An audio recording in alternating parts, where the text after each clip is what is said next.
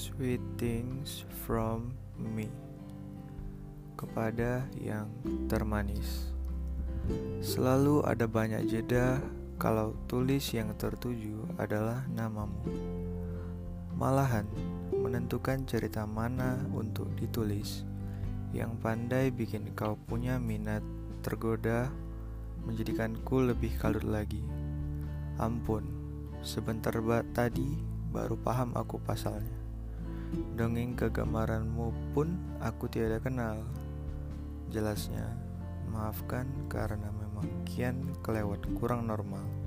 Cara-caraku luluskan perasaan biar sampai padamu. Belum tiba di masa bahkan mataku saja hilang minat untuk sekedar berpendar darimu. Semoga tidak pula membawamu pada rumit. Untukmu cemerlang.